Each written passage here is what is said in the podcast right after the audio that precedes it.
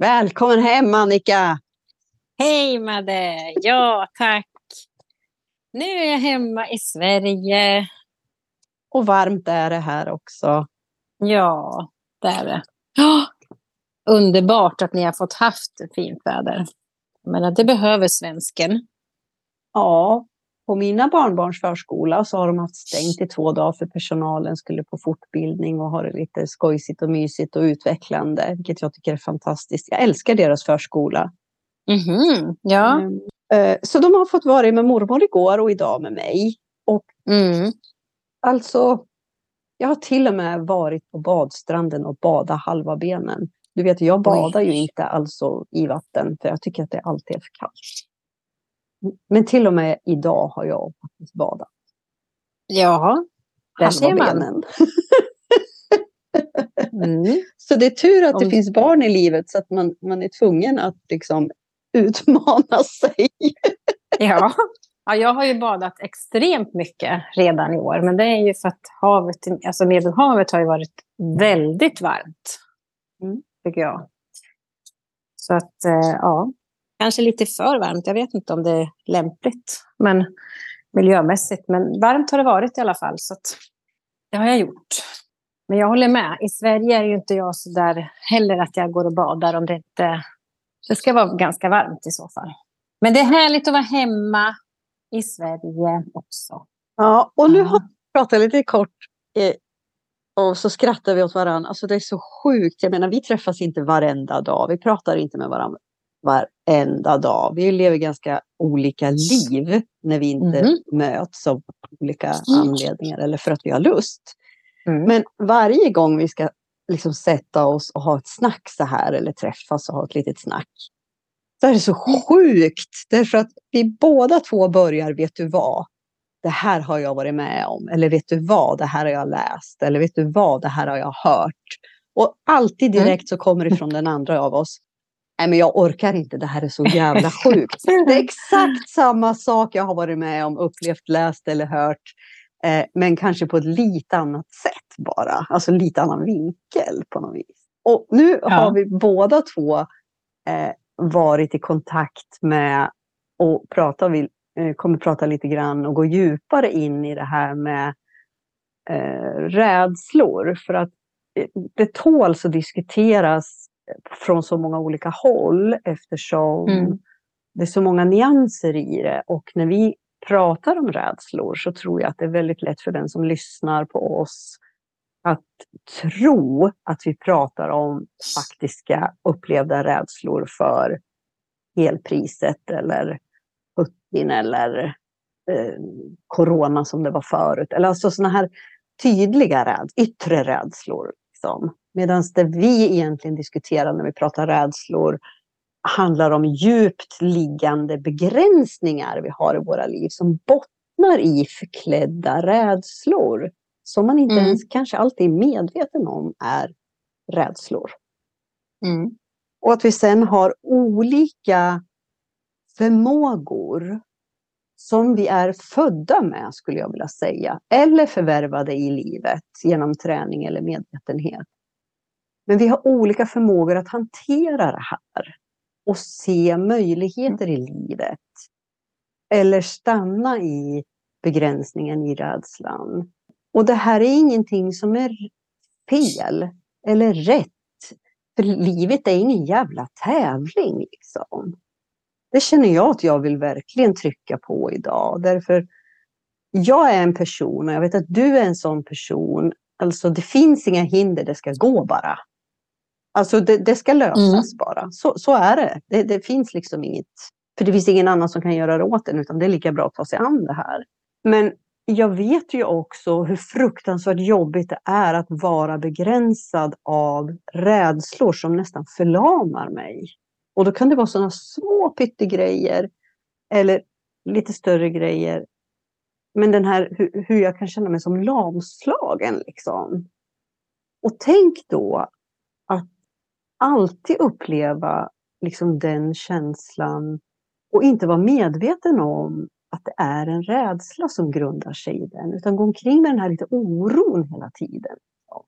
Mm. I sig själv. Och hur ja. kan man hjälpa sig själv på något sätt? Eh, eh, att stärka sig själv eller få syn på det här lite grann.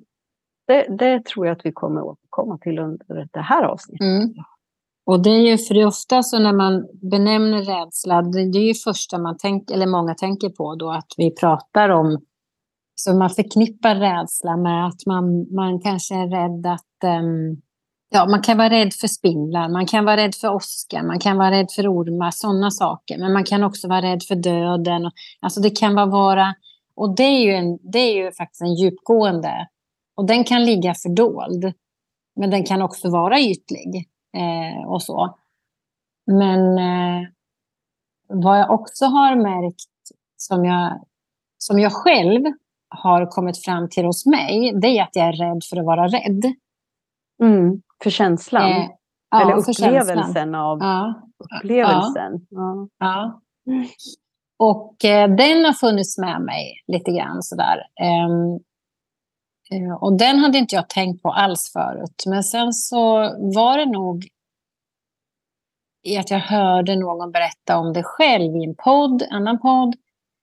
Eller om jag läste någonstans om någon som berättade hur hen upplevde liksom rädsla och så här. Så för mig blev det aha. Då, då kände jag liksom att jag fick en förklaring till hur jag hade upplevt. För ofta så är rädslor så dolda så att de skyddas, det skyddas av andra känslor eller reaktioner du får. Och rädsla kan vara oro också. Ja, en, en mm. stark känsla som är den bästa partnern inom situationstecken faktiskt till rädsla och ilska. Mm. Ja, den kommer ju ofta mm. Mm, före. Mm. Och det kan nog säkert många känna igen sig om man har barn och mm. framförallt tonåringar. Eller alltså när, när barnen var tonåringar eh, eller unga vuxna och skulle komma hem och de kommer inte hem i tid. Och, så här, och när de väl kommer hem så skäller man ut dem för att man är, liksom, man är så rädd för att det skulle ha hänt någonting. Så då blir man arg istället. Och då blir man arg för att de inte passade tiden. Men det är inte där det handlar om. Utan man hade ju en ångest någonstans för att det skulle kunna ha hänt någonting. Ja. Och när de väl kommer hem så släpper den. Och så exploderar det liksom. Ja, precis. Och Ut i en ilska. Ja, och den ilskan kanske då inte tas emot så jäkla schysst eller så bra utav tonåringen eller barnet, vilket jag kan förstå. För att den, den personen kan ju känna sig, eller barnet kan känna på sig påhoppad och kränkt och så här. Och, och, det, och, och, och, så kan liksom cirkusen vara lite igång där i, i ett nystan som man inte riktigt vet vad det var. Och, så, och man tänker inte ens på det, för att sen Sen går man och lägger sig och så är den dagen över. Och så kommer nästa grej eller så nästa grej. Och så här. Och det här kan byggas upp och eskalera. Och sen finns det en grundton inom en. Där man antingen i perioder i livet eller till och med hela livet har den här oron. Lite småångest, lite rädsla för och så. Och den kan ju eskalera så hårt så att det blir ett handikapp också. Mm, absolut. Och det påverkar ju väldigt många omkring en, tänker jag mm. också. Om man, det, om man far ut liksom, med, med, med, starka känslor som, som döljer då egentligen en grund i, i en ständig oro och rädsla. Liksom. Mm. Så, mm. så, är man proaktiv eh, mm. istället och, och, och liksom ligger steget före med en, en ganska hård attityd och det här att man går in och bestämmer och man pekar med hela armen och man är liksom mm. ja, generalen. Mm. Mm. Jag känner absolut igen mig i den. Herregud, jag har levt halva mitt vuxna mm. liv på det viset, om inte mer. Mm. Eh, så har jag verkligen varit den här. Ungarna kallar nog mig för Gestapo alltså. Mm. Jag var ju verkligen så här hela armen. Så många år i rädslor. Usch, mm.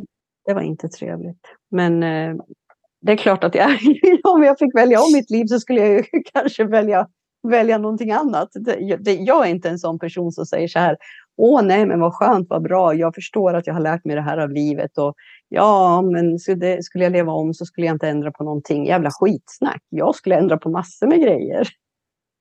Mm. Faktiskt, om jag kunde. Ja, nu är det som det är och och eh, nu kör vi framåt. Vi kan inte göra så mycket åt det. Men jag vet att det är väldigt vanligt att människor säger så. När man har blivit liksom lite frälst eller vad man ska säga, att man vaknar upp eller att man börjar mm. bli medveten och det här att man, man, man ska liksom vara så jävla klok och, och tycka att nej, men tänk, jag hade inte sett det här idag om jag inte hade upplevt allt det här. Jo, men det hade jag säkert visst gjort. Bara att vägen hade varit annorlunda. Ja, men så är det ju. Um, och, eh, men, sen finns det väl vissa saker som, som jag tror att vissa går igenom eh, som är tuffa, svåra trauman, eh, kriser som inte hade gett den möjligheten till den person de kanske har blivit om de hade gått... Alltså om, om, det är så de säger och agerar och tar sig an livet efter en kris eh, på olika sätt. Mm. Men många ja, medger ju liksom att de, den person de har blivit av allting har ändå blivit en bra person. De trivs med sig själva, de tycker om och tar sig an livet på ett bra sätt. Eh, Absolut. Eh, och det är klart, om man lever ett liv smärtfritt, om vi nu skulle vilja uttrycka det så då, för det tror jag inte någon gör egentligen, men vi säger det, det går på räls, ingenting egentligen något stort händer eller så, så kanske du inte hade blivit just den människan som de nu försöker förklara sig som. Men du blir ju påverkad oavsett. Jag menar, även om allting går på räls som andra kan uppfatta eller som du själv kan uppfatta det som, eh, så kan du i alla fall ha många rädslor inom dig, till exempel i det ämnet vi pratar om nu. Ja, eh, men det ger väl en möjlighet till att växa eller lära sig förstå, se orsak och verkan, sammanhang som, ge, som skapar utveckling. Men det mm. behöver inte göra det heller. Nej. Så Att jag menar, jag tror inte att man ska kanske... Alltså, nej, jag håller nog med lite grann att säga så här att kanske inte ångra någonting för att det har gett mig möjligheter till. Men det hade ju förmodligen livet i sig ändå gjort. Alltså det, vi vet ju inte. Nej. Precis lika lite som vi vet framtiden. vi kan ju bara sitta här och anta och, och ja. tala utifrån Eh, jag kan ju bara tala utifrån mina upplevelser av mitt liv och du utifrån dina upplevelser av ditt liv. Liksom. Något mer kan man ju egentligen inte uttrycka. Man kan bara resonera eller ana mm. eller tro eller alltså. vi vet ju mm. inte.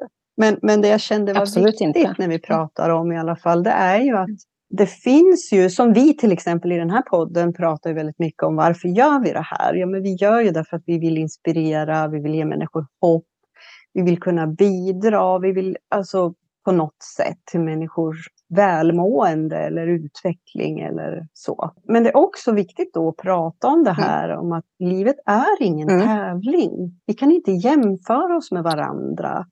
Eh, eller med andra, utan jag lever mitt liv utifrån mina förutsättningar eh, och vad jag är född i för familj och vilka egenskaper min personlighet mm. hade när den kom och, och sådana saker. Och mitt liv och mina upplevelser. Eh, mm. Och du utifrån samma sak hos dig och någon annan mm. utifrån sig. Så att, och vi kan aldrig jämföra oss och tävla med varandra och tro att ja, men hej och hå, nu tar vi oss an livet och här har vi liksom kraft och styrka och det här löser vi och nu fixar vi det här. Eller, för att jag kanske inte är en sån person utan jag kanske behöver ha mer efter, alltså jag är mer eftertänksam, jag kanske är mer orolig, jag kanske mm. alltså, inte riktigt har de delarna i mig som, som är så här, nu löser vi det här bara. Liksom. Eh, och det är okej okay det också. Och då, om du är en sån personlighet och lyssnar på det här, så mm. finns det andra vägar för dig. Jämför det inte då med de människorna som har kvaliteter av att vara lösningsfokuserade och verka, inom situationstecken igen, orädda. För att det finns ingen människa mm. som går igenom livet och är helt orädd. Jag tror inte det faktiskt. Nej det, nej, det tror inte jag heller. Det, nej, verkligen inte. Och, och, utan vi har, det är så himla vanligt att vi tror så mycket om andra. För vi mm. ser sån, alltså sån kort ögonblick utav deras liv. Du kanske träffar någon en stund. Du kan ju, de du har närma, de, de kommer ju liksom mer på djupet förstås inpå liksom och ser och, och förstår och så här. Men många människor som vi jämför oss med är ju de här som har ja, sociala medier till exempel som är framgångsrika och verkar vara intelligenta, är väldigt snygga, verkar ha jättemycket pengar och allt sånt här. Och det tror jag att det är många som tänker att det är lätt för den här personen att säga. Om de mm. nu skriver någonting om saker. Men, men gör inte det, för att titta inte på det. För att det är alltså alla människor, även de som är, ser ut att ha fram, har ju framgång också förstås och har, är framgångsrika, har också sina bekymmer, har också sina problem. Och vi vet ingenting om någon egentligen genom att vi inte har gått i deras skor. Och det viktigaste av allt är väl någonstans att försöka eh, satsa liksom mer på sig själv. Lägg energi och kraft på och fundera på hur vill jag egentligen leva? Vad är det jag önskar mest? Och där tror jag vi behöver, då behöver man tid och lite stillhet för att känna, lära känna sig själv och se eh, vem man är i olika sammanhang och hur man upplever framför allt. Vad känns bra? Det här känns ju ganska bra. Ja, men vad bra, fine, då är jag kanske på rätt spår någonstans. Jag tror att en viktig, för mig är det viktigt i alla fall, det är, min, alltså det är att allting ska gå framåt. Även i tunga stunder så har jag en inre liksom, drivkraft att det ska ut, jag ska utveckla, eller jag ska utvecklas, det vet jag inte, men jag tror inte jag tänker så medvetet, utan jag vill bara göra en förändring. Jag vill framåt någonstans. Jag tycker inte om att stå still. Mm. Det är en nyckel till min framgång i mig själv, tror jag. Drivkraften. Jag, jag har liksom tagit reda på ganska mycket av mina drivkrafter i livet. Både de här som ligger på djupet mera och de som är ytliga. Mm. För det beror på vad vi pratar om för sammanhang eller vad vi pratar om för ämne. Vad, vad är det jag vill fram någonstans? Mm. Jag tror att det är en nyckel. För mig är det en nyckel i alla fall. Sen kanske inte jag agerar så jäkla klokt först i början. Men jag försöker liksom titta liksom vidare, söka, leta, känna. Och till slut så hamnar jag på en ny plats där jag känner att det känns bra. Mm. Och då har jag ju också gett mig själv en möjlighet till utveckling. Mm. Vi pratade lite grann om det förra gången, liksom det här med att ta ansvar för sig själv och sitt liv och lite grann så här att, att det finns en nyckelkomponent i det här och det är när, när jag börjar kika på det här i mig själv som du säger, vart mår jag bra någonstans? Eller vad, vad, tycker jag är roligt? Liksom? Ja, men då kanske jag mm. är någonting på spåren. Mm. Eh, därför att vi pratar om det här att det finns två sidor. Att antingen så väljer jag att jag vill ifrån någonting som är obehagligt. Mm. Eller så vill jag till någonting som mm. är eh, mm. trivsamt. Mm. Så. Och om jag vill ifrån någonting som är obehagligt så kan det också vara så att jag att jag skyndar mig på något sätt och så tar jag någonting bara för att jag, jag, det är mm. vad som helst är bättre än där jag är. Liksom, på något sätt. Mm. Eh, och det är fine, det är bra. Mm. Därför att mm. sen kan du välja om igen. Ja. Och igen och igen och igen. Mm. Liksom, så, så det är ju liksom livet och komma underfund med sig själv och, och vem man är och var man, var man mår bra någonstans. Det är ju under förändring hela tiden eftersom man själv förändras. Men jag och tror allting att man är... kan man förändra hela tiden. Liksom. Ja, man får nya val. Hela tiden också. får man nya val. Liksom. Och sen tror jag man är olika som människor. Jag tror att man liksom, en del tar sig an eh, något nytt, alltså tar sig an något nytt i livet eller tar sig an något överhuvudtaget i livet på ett sätt där man kanske liksom i efterhand, alltså för att livet pågår ju, oavsett du vill eller inte så förändras ju saker och du hamnar på olika platser, du hamnar i olika situationer, du träffar nya människor och så. Eh, men då kan ju någonting som dyker upp sen vara så här, just fasen, alltså nu känns det som att den där rädslan jag kände tidigare eller obehaget jag kände tidigare, den har faktiskt suddats ut lite grann. Gränserna är lite utsuddade, det känns inte lika jobbigt. ju att du liksom eh, i efterhand lägger till dig liksom den erfarenheten i eftertänksamhet och så. Att det kanske faktiskt var det här som gjorde att jag mm. förändrade mitt liv eller tog, alltså tog det där steget som jag inte hade vågat innan och så. Eh, det är ett sätt att göra det på. Och, och sen en del andra människor gör det innan. Alltså innan man liksom ska ta ett nytt steg så tar man sig an alla utmaningar och kartlägger kanske innan. Eh, och så. Och ingenting är fel. Nej, verkligen inte. Utan det roliga med, allt det här är ju just att du har chansen till att... Eller den här känslan av att eh, när man har lagt någonting bakom sig, när kapitlet är läst, när boken är stängd, när, när dokumentet liksom är klart eller påskrivet. Alltså förstår du, det här är metaforer jag pratar om. Men liksom, när någonting är löst och man känner wow, allt från litet till stort, så har man ju gett sig själv en form av present. Mm. Och det är så fint, det är så vackert om man kan göra det. Ge sig själv tillåtelse till nya erfarenheter som skapar ja. nya valmöjligheter framåt. Ja. Därför att göra val och förflytta sig och liksom utmana sina rädslor, om de nu är medvetna, mm. eh, det, det ger ju mig en känsla av att lyckas. Mm. I det så skapas det en ny erfarenhet, vilket gör att mitt självförtroende växer. Och så vågar jag igen.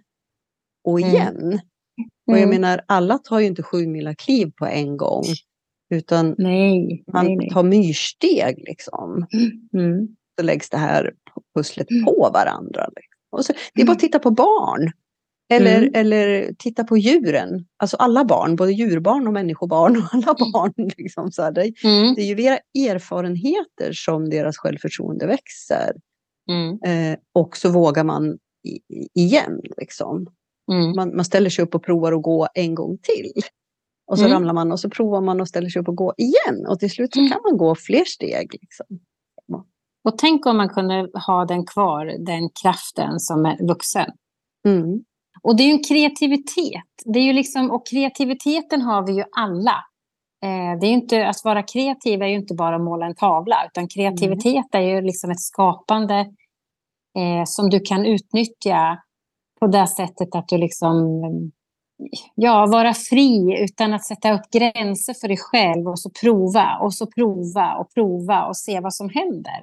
Mm. Och hitta olika vägar att mm. prova. Det kanske är så att när du skulle lära dig att gå så kanske det är så att du resa dig direkt ifrån backen.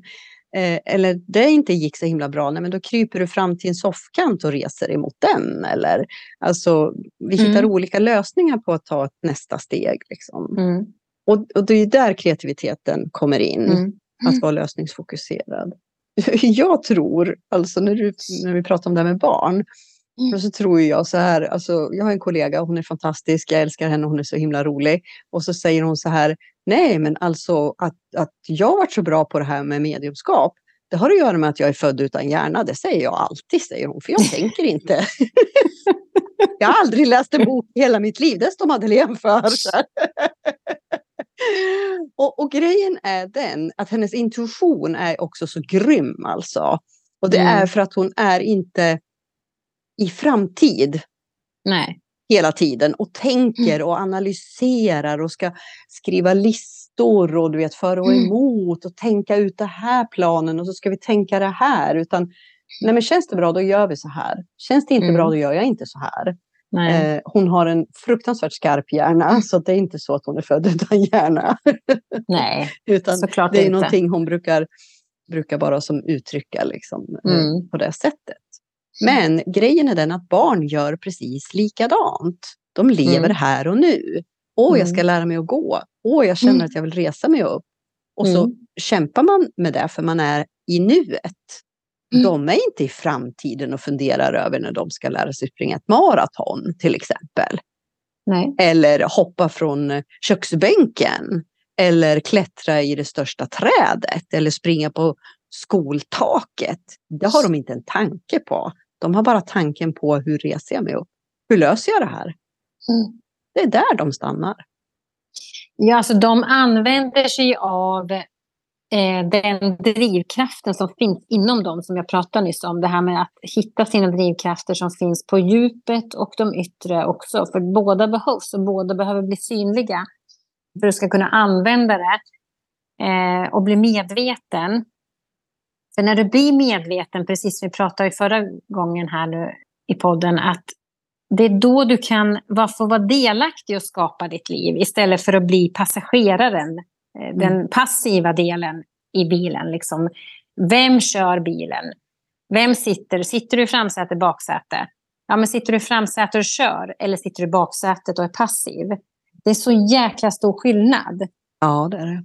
Och ta reda på det, det är ju liksom att det är, ju, det är ett kreativt arbete, det är detektivarbete. För att för att vår människa är ju det är ett mysterium. Vi är ju så extremt komplexa.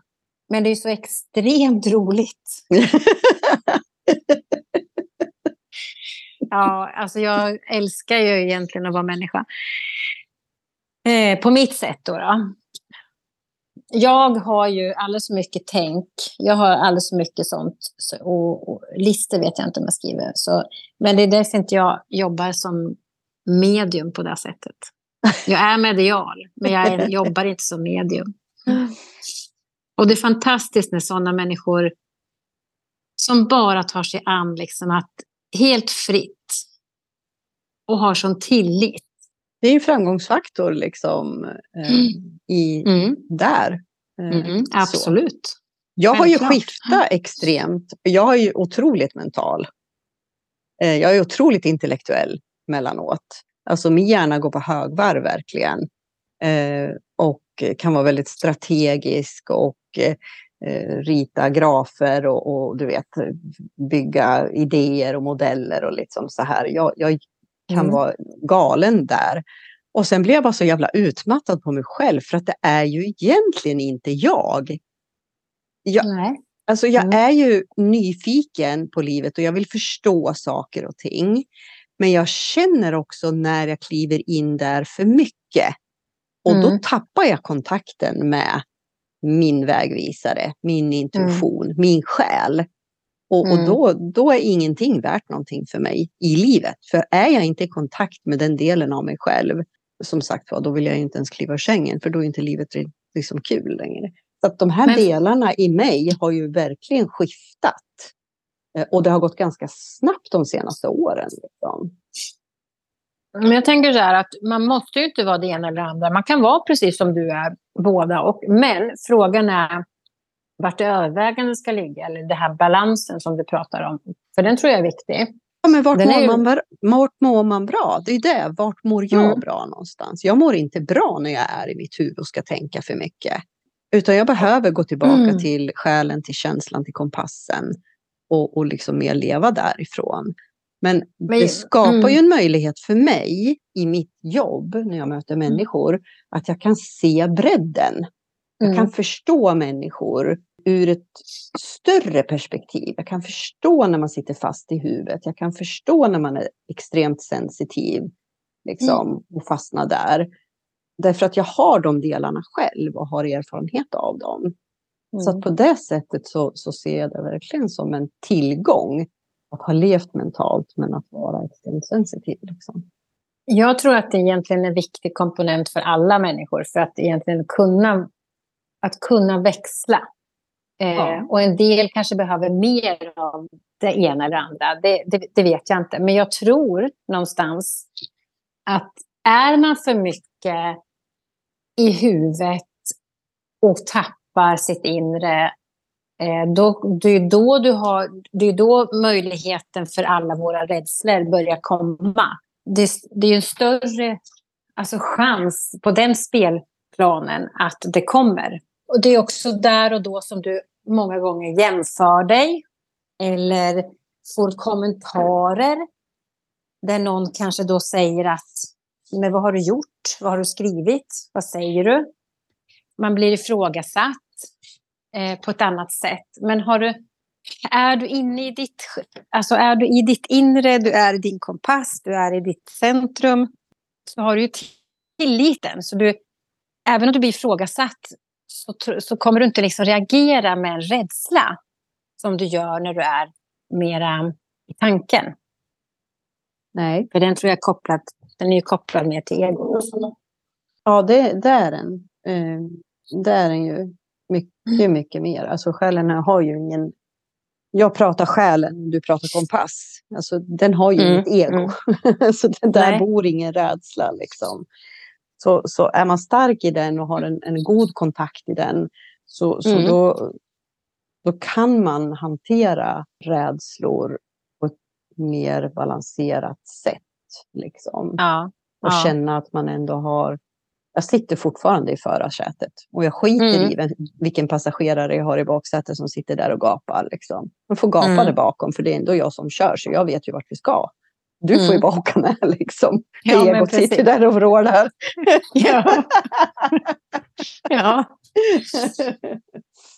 Ja, egot är inget ja. dåligt. Egot behöver Nej. återigen. Det har vi eh, sagt förut. Mm. Så, så det är inte någon värdering i det. Utan... Men ibland det är, värre när de sitter liksom bredvid och börjar rycka en i armen när man ska köra. Då ja. kan man vara tvungen att stanna bilen och sparka ut dem. Ja, precis. Ja, ut. Alter egon runt omkring där. Hopp ut. Mm. försöker, ibland så försöker egot verkligen liksom att, att ta över. Ja. Och det är när du börjar närma dig ja. att se att egot har lurat dig. Ja. Alla dina rädslor som egot har liksom använt eh, mm. för att hålla dig trygg och skyddad. Börjar du se att nej men de stämmer inte för mig längre. Det här känns inte okej för mig längre. Jag, jag, jag vill göra mig fri. Jag, alltså jag måste gå vidare eller jag måste ur det här. Eh, mm. Eh, och då kan det vara så att känslor av rädsla, som då kan vara en ilska eller förklädd på annat sätt, eskalerar. De ökar. Och det är precis innan liksom egot liksom accepterar eller släpper greppet om om att försöka beskydda dig ifrån någonting som det alltid har gjort. Ja, och så, så, så, att, så att häng i där och ge inte upp, skulle jag vilja säga. Utan vänd dig om istället och bli mm. vän med egot och rädslan. Precis som du börjar prata om Annika, att jag, jag tror att jag har varit så himla rädd för rädslan, att vara i den upplevelsen, för den är obehaglig. Mm. Att stanna upp, låta rädslan som känsla få, få liksom ge sig till känna och man pratar med den och man liksom, mm. var sitter du någonstans, har du någon färg, eh, var i kroppen eller alltså börja mm. prata med den och, och tacka den verkligen för att den har hållit dig skyddad genom livet. Mm. Eh, men att nu är det dags för er att liksom gå skilda vägar. För nu. Mm. Och det är precis så jag har gjort. Jag har liksom välkomnat den istället. Mm. Och låtit, när den kommer, för den kommer ibland fortfarande, men inte alls i sån kraft. Eftersom jag tycker att den är helt okej okay att den kommer. Så att eh, den har ju liksom suddats ut på ett annat sätt än vad den var förut. Och sen är det ju, när man lär sig också att det är en känsla.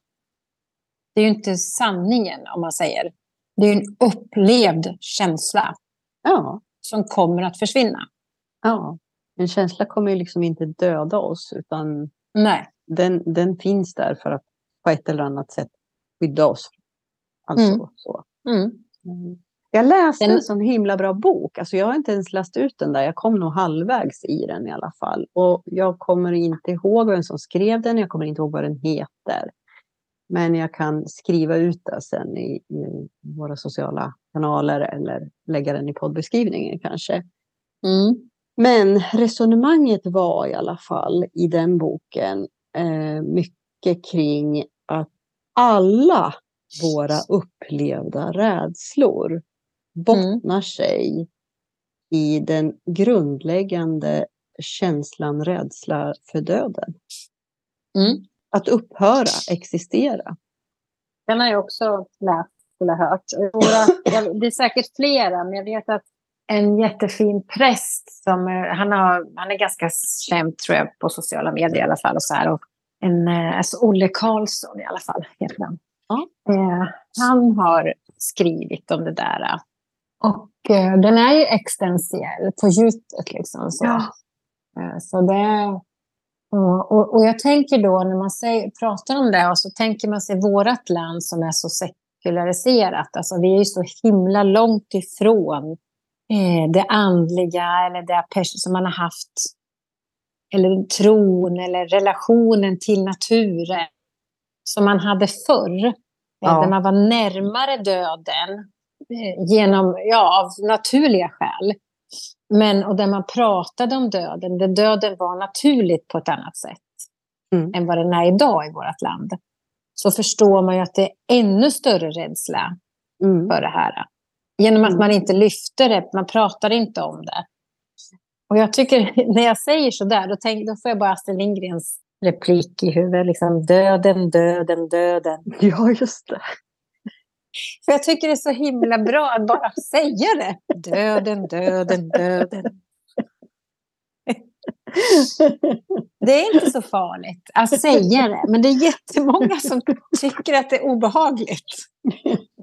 Ja, ja jag vet. Ja, och då blir jag ännu mer så här, döden, döden, döden. Måste jag utmana oss ännu mer och prata om döden? Mm.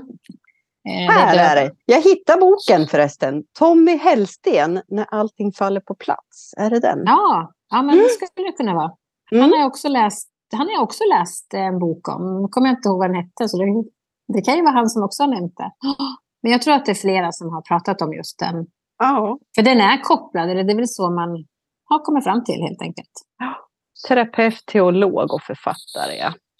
Så mm. den kan jag rekommendera att ni läser. Allting faller på plats av Tommy Hellsten. Jag kan inte svara för hela boken, jag har inte läst den dock då. Men han beskriver om sitt liv och, och hur han liksom får saker och ting att falla på plats. Och det här och hans insikt om vad rädslan gör med oss. Liksom. Mm. Men överhuvudtaget så tänker jag så här att ett tips till folk eller, till, liksom, eller människor då, som att ju,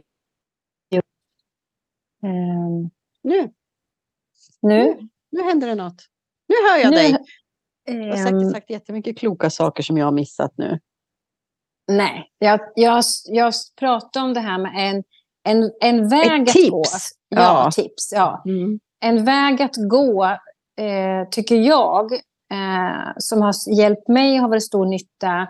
Och jag tror att det är det för många andra också. Att, och kan man inte läsa, orkar inte läsa, kan inte fokusera på att läsa, så kan man lyssna på ljudböcker. För att böcker kan ge en, en otrolig utveckling. Och, då sa, och jag sa det att det är bara att leta sig fram i djungeln av alla fina, fantastiska böcker och författare. Så hittar man till slut några guldkorn. som man kommer att kanske inte direkt fastna eller förstå att jaha, just det, det här gav mig det här. Utan det, men det kommer med tiden ofta. Efteråt så, så har man eh, känt att man har levt med den här boken, man har hört de här fraserna, man har liksom, författaren har sagt någonting till en i huvudet. Och sen så dyker det upp någonting i livet och så, så har det liksom, lägger man ihop det här så blir det en eh, summering till något nytt i ens liv. Mm. Tycker jag i alla fall. Verkligen. Och, då, och en författare då som jag gav tips om bara för att jag hade en bok framför mig, det är ju Kajsa Ingemarsson. Mm. Som är fantastisk författare. Ja, och alltså det som är så sjukt, det här är ju där vi börjar mm. prata om att vi, alltså ibland orkar man bara inte när vi ska sätta oss och träffas. Så har vi, för att jag stötte på ett, ett inlägg som Kajsa Ingemarsson hade precis gjort på Facebook. Ja, eh, ja. Alltså mm. idag. Mm. Och jag mm. tänker läsa vissa delar ur det här, därför att hon pratar om det här med rädslan. Mm. Eh, ja, var, inte, mm. var inte rädd. Det sägs att den frasen förekommer mer än 400 gånger i Bibeln. Ja, hon vet ju inte, för hon läser inte Bibeln så ofta, vilket jag inte heller gör, kan jag säga. Men sen kommer hon till en annan reflektion här i stycket, så det står så här. Kan det vara så att, att väldigt många av oss innerst inne eh, bär på en ängslan, en rädsla och till mm. och med en fruktan som håller oss tillbaka från livet med osynliga trådar. Allt medan vi kämpar på för att inte tappa det Kan det vara så att vi bär på en kollektiv och nedärvd rädsla som är så inpräntad i oss att vi inte märker den? Mm. Rädslan att tappa kontrollen, rädslan för det okända, rädslan att förlora det vi har och känner, rädslan att gå vilse och aldrig hitta hem, rädslan för att en dag inte vara här. Kan det vara den rädslan som vi läser in i allt som händer? Det var ganska tankeväckande. Mm. Ja, men det, det, är ju någon form av synkronisering är det ju liksom när vi startar eller när vi sätter igång. Ja, mm. så, så, är det. Men, men den, den, den här, de här, alltså den här orden som Kajsa Ingvarsson mm. skrev då på Facebook, ni kan eh, leta rätt på henne där och titta. Alltså de är otroligt tankeväckande. Mm. Och här kan du börja leka detektiv med dig själv. Mm. Är du rädd för förändring? Mm. Varför då? Mm. Är det för att du är rädd för att tappa kontrollen? Kontrollen? Och vad då? Och varför? Mm. Det är sånt här som Annika och jag mycket pratar om, att mm. leka detektiv i sitt eget liv. Att börja utforska lite i sig själv. Reflektera ja. med sig själv. Prata med mm. människor omkring dig. Och resonera. Liksom. Vi har inga svar, det är ingen som har svar. Utan du har bara svaren som är dina. Du kan däremot ta del av andras erfarenheter och upplevelser i livet och se om du kan plocka någonting därifrån som rimmar med dig, som kan hjälpa dig framåt. Mm. Att våga utmana de här existentiella, djupa rädslorna som mm. begränsar dig från att leva ditt fulla liv. Mm. Frågan, hur stort livet kan bli. Ja. Vi är ämnade att leva lyckliga. Vi besitter våra egna verktyg. Vi har dem redan. Och vi kanske lever ett liv och så känner vi att det skulle kunna finnas någonting annat där. Ja, men våga testa dina verktyg. Ta reda på vad du kan använda för verktyg. Ta hjälp på vägen när det behövs. Leta, utforska. Och, och se till att, att titta dig omkring. Vad har du för människor i ditt liv? Har du trygga människor som låter dig utforska i en trygg miljö? Som mm. håller dig i handen en liten bit när du behöver gå? Som kanske vågar utmana dig och ifrågasätta när du inte riktigt törs? Mm. Som vågar stå kvar när du kanske tappar det och, och blir förbannad liksom för att du känner dig provocerad för att någon vågar utmana dig. Eller, mm. alltså, och det finns ändå en grundkärlek mellan er, en grundtrygghet i en vänskap. Liksom. Det är mm. sådana människor vi, vi ska vara rädda om när vi har i våra liv. Och det är där vi vågar, kan verkligen eh, utvecklas tillsammans. Mm. Och det är mm. inte fel att ha vänner att göra det här med. Det behöver inte vara en partner du lever ihop med. Nej, Din partner nej. kanske har en helt annan väg att gå i det här livet, men ni ändå kan leva tillsammans och älska varandra. Men, men, men sådana här saker kanske du har en vän som, mm. som du kan växa tillsammans med istället. Det är där vi har varandra för. ja! Bland annat. Bland annat. Mm. Bland annat, ja. Nej, men det, visst är det så. Och det, det, är liksom, det är väl det vi skulle kunna ge, Som ge våra lyssnare. Mm. Jag tror att vi, jag kan tala för oss båda när jag säger det att den största glädjen som vi kan uppleva i livet det är att se att en annan människa vågar leva sitt liv och våga stå i sin potential och sin kraft och ha tillgång till sig själv och göra sina val och kicka ut det där tjatande egot i baksätet om de gnäller för mycket. Liksom. Och våga mm. stå i din egen sanning. Och inte mm. lyssna på och jämföra dig med alla andra, utan gå din väg helt enkelt. Som är sann mm. för dig. För de mm. människor som är menade för dig kommer att resa med dig på den här resan. Och du kommer träffa nya människor som reser med dig. Om det är så att vänner faller bort. Vilket det gör. Ja, Men vet du vad? Vi föds ensamma.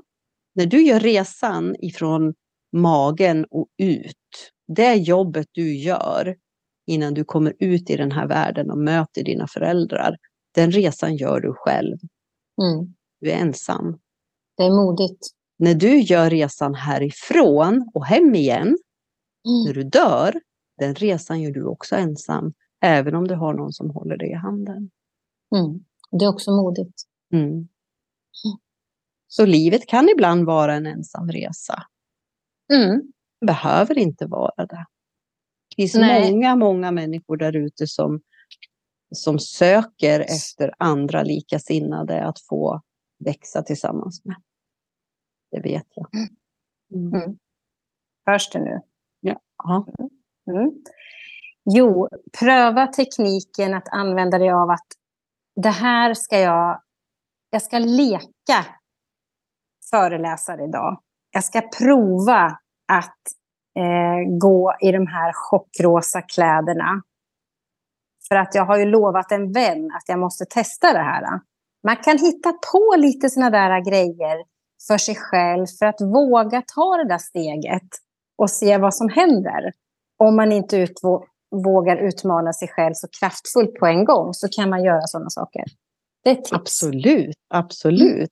Och uppmana era barn att våga vara sig själv. Att gå mm. ut i en frisyr som, eller glasögon eller örselkåpor mm. eller alltså, mm. en sko av varje sort. Vad fan mm. det liksom? Mm. Låt dem bara Nej. vara. Ja, alltså, testa.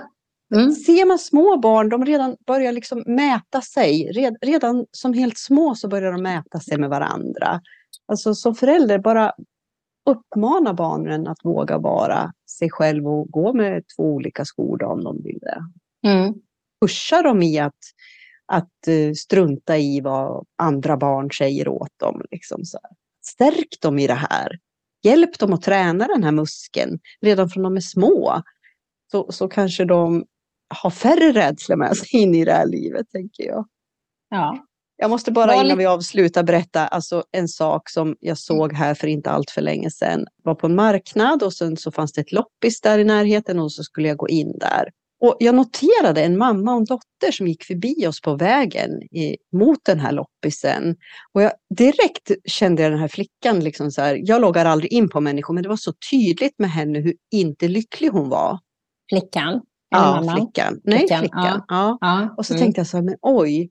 Och så kunde, det var någonting som hände i mig, där jag kunde känna igen en känsla i mig i den där åldern. Hon kanske var tio år ungefär. Mm. Och det väckte någonting i mig det där att shit, oh men gud, när jag, jag känner igen det här i mig själv. Ja, så var det inget mer med det. Jag släppte ju det på en gång och sen så var det inget mer med det. Och sen möter jag henne inne på loppiset. På klädavdelningen.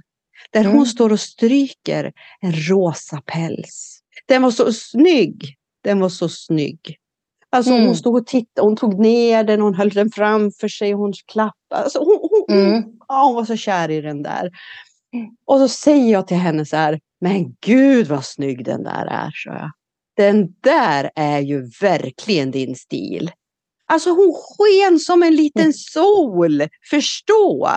Va? Ja. Och så, så, så berättar jag för henne att jag har ägt en ljusblå likadan sån där.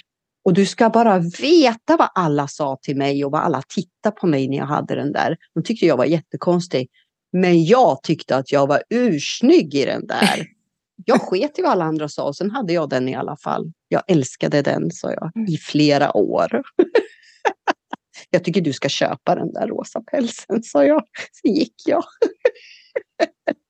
Du gjorde kanske hennes dag där. Nej men där! Jag, jag, mm. mötte ju mig själv där. Fattar mm. du inte? Liksom. Det jo, var ju det som mm. Mm. gav mig möjligheten att möta mig själv. För jag var så ängslig när jag var liten. Och känslig och rädd och sådär. Alltså. Men det är ju ganska fint att livet, fick, alltså livet gav dig möjlighet också där genom det här mötet. Ja. Du, var upp, du var öppen i det här mötet. Tänk om du inte hade varit där, Madde. Nej, tänk. Om du inte hade varit, då hade du inte fått sett det här lilla barnet. Då hade du inte Nej. fått sett lilla Madde. Nej, Nej. och jag hade inte jag... fått mött henne. Och jag hoppas verkligen att hon köpte den där rosa pälsen och gick hem och var mm. stolt över den och sket i vad alla andra sa till henne mm. sen. Men det, jag tänker där liksom, lek, var öppen, var kreativ, var lyhörd. Så kommer det hända massor i ditt liv. Ja. Ska vi avsluta så? Vi gör det. Tack för idag Annika och återigen välkommen hem. Skönt att ha dig på hemmaplan. Ja, nu ska vi, syn nu ska vi synas i... I det fysiska livet också. I det fysiska livet, ja. Mm. Det ska vi göra. Ja. Och till er där ute, tack för att ni hänger med och eh, tjing på er. Puss och kram. Vi syns och hörs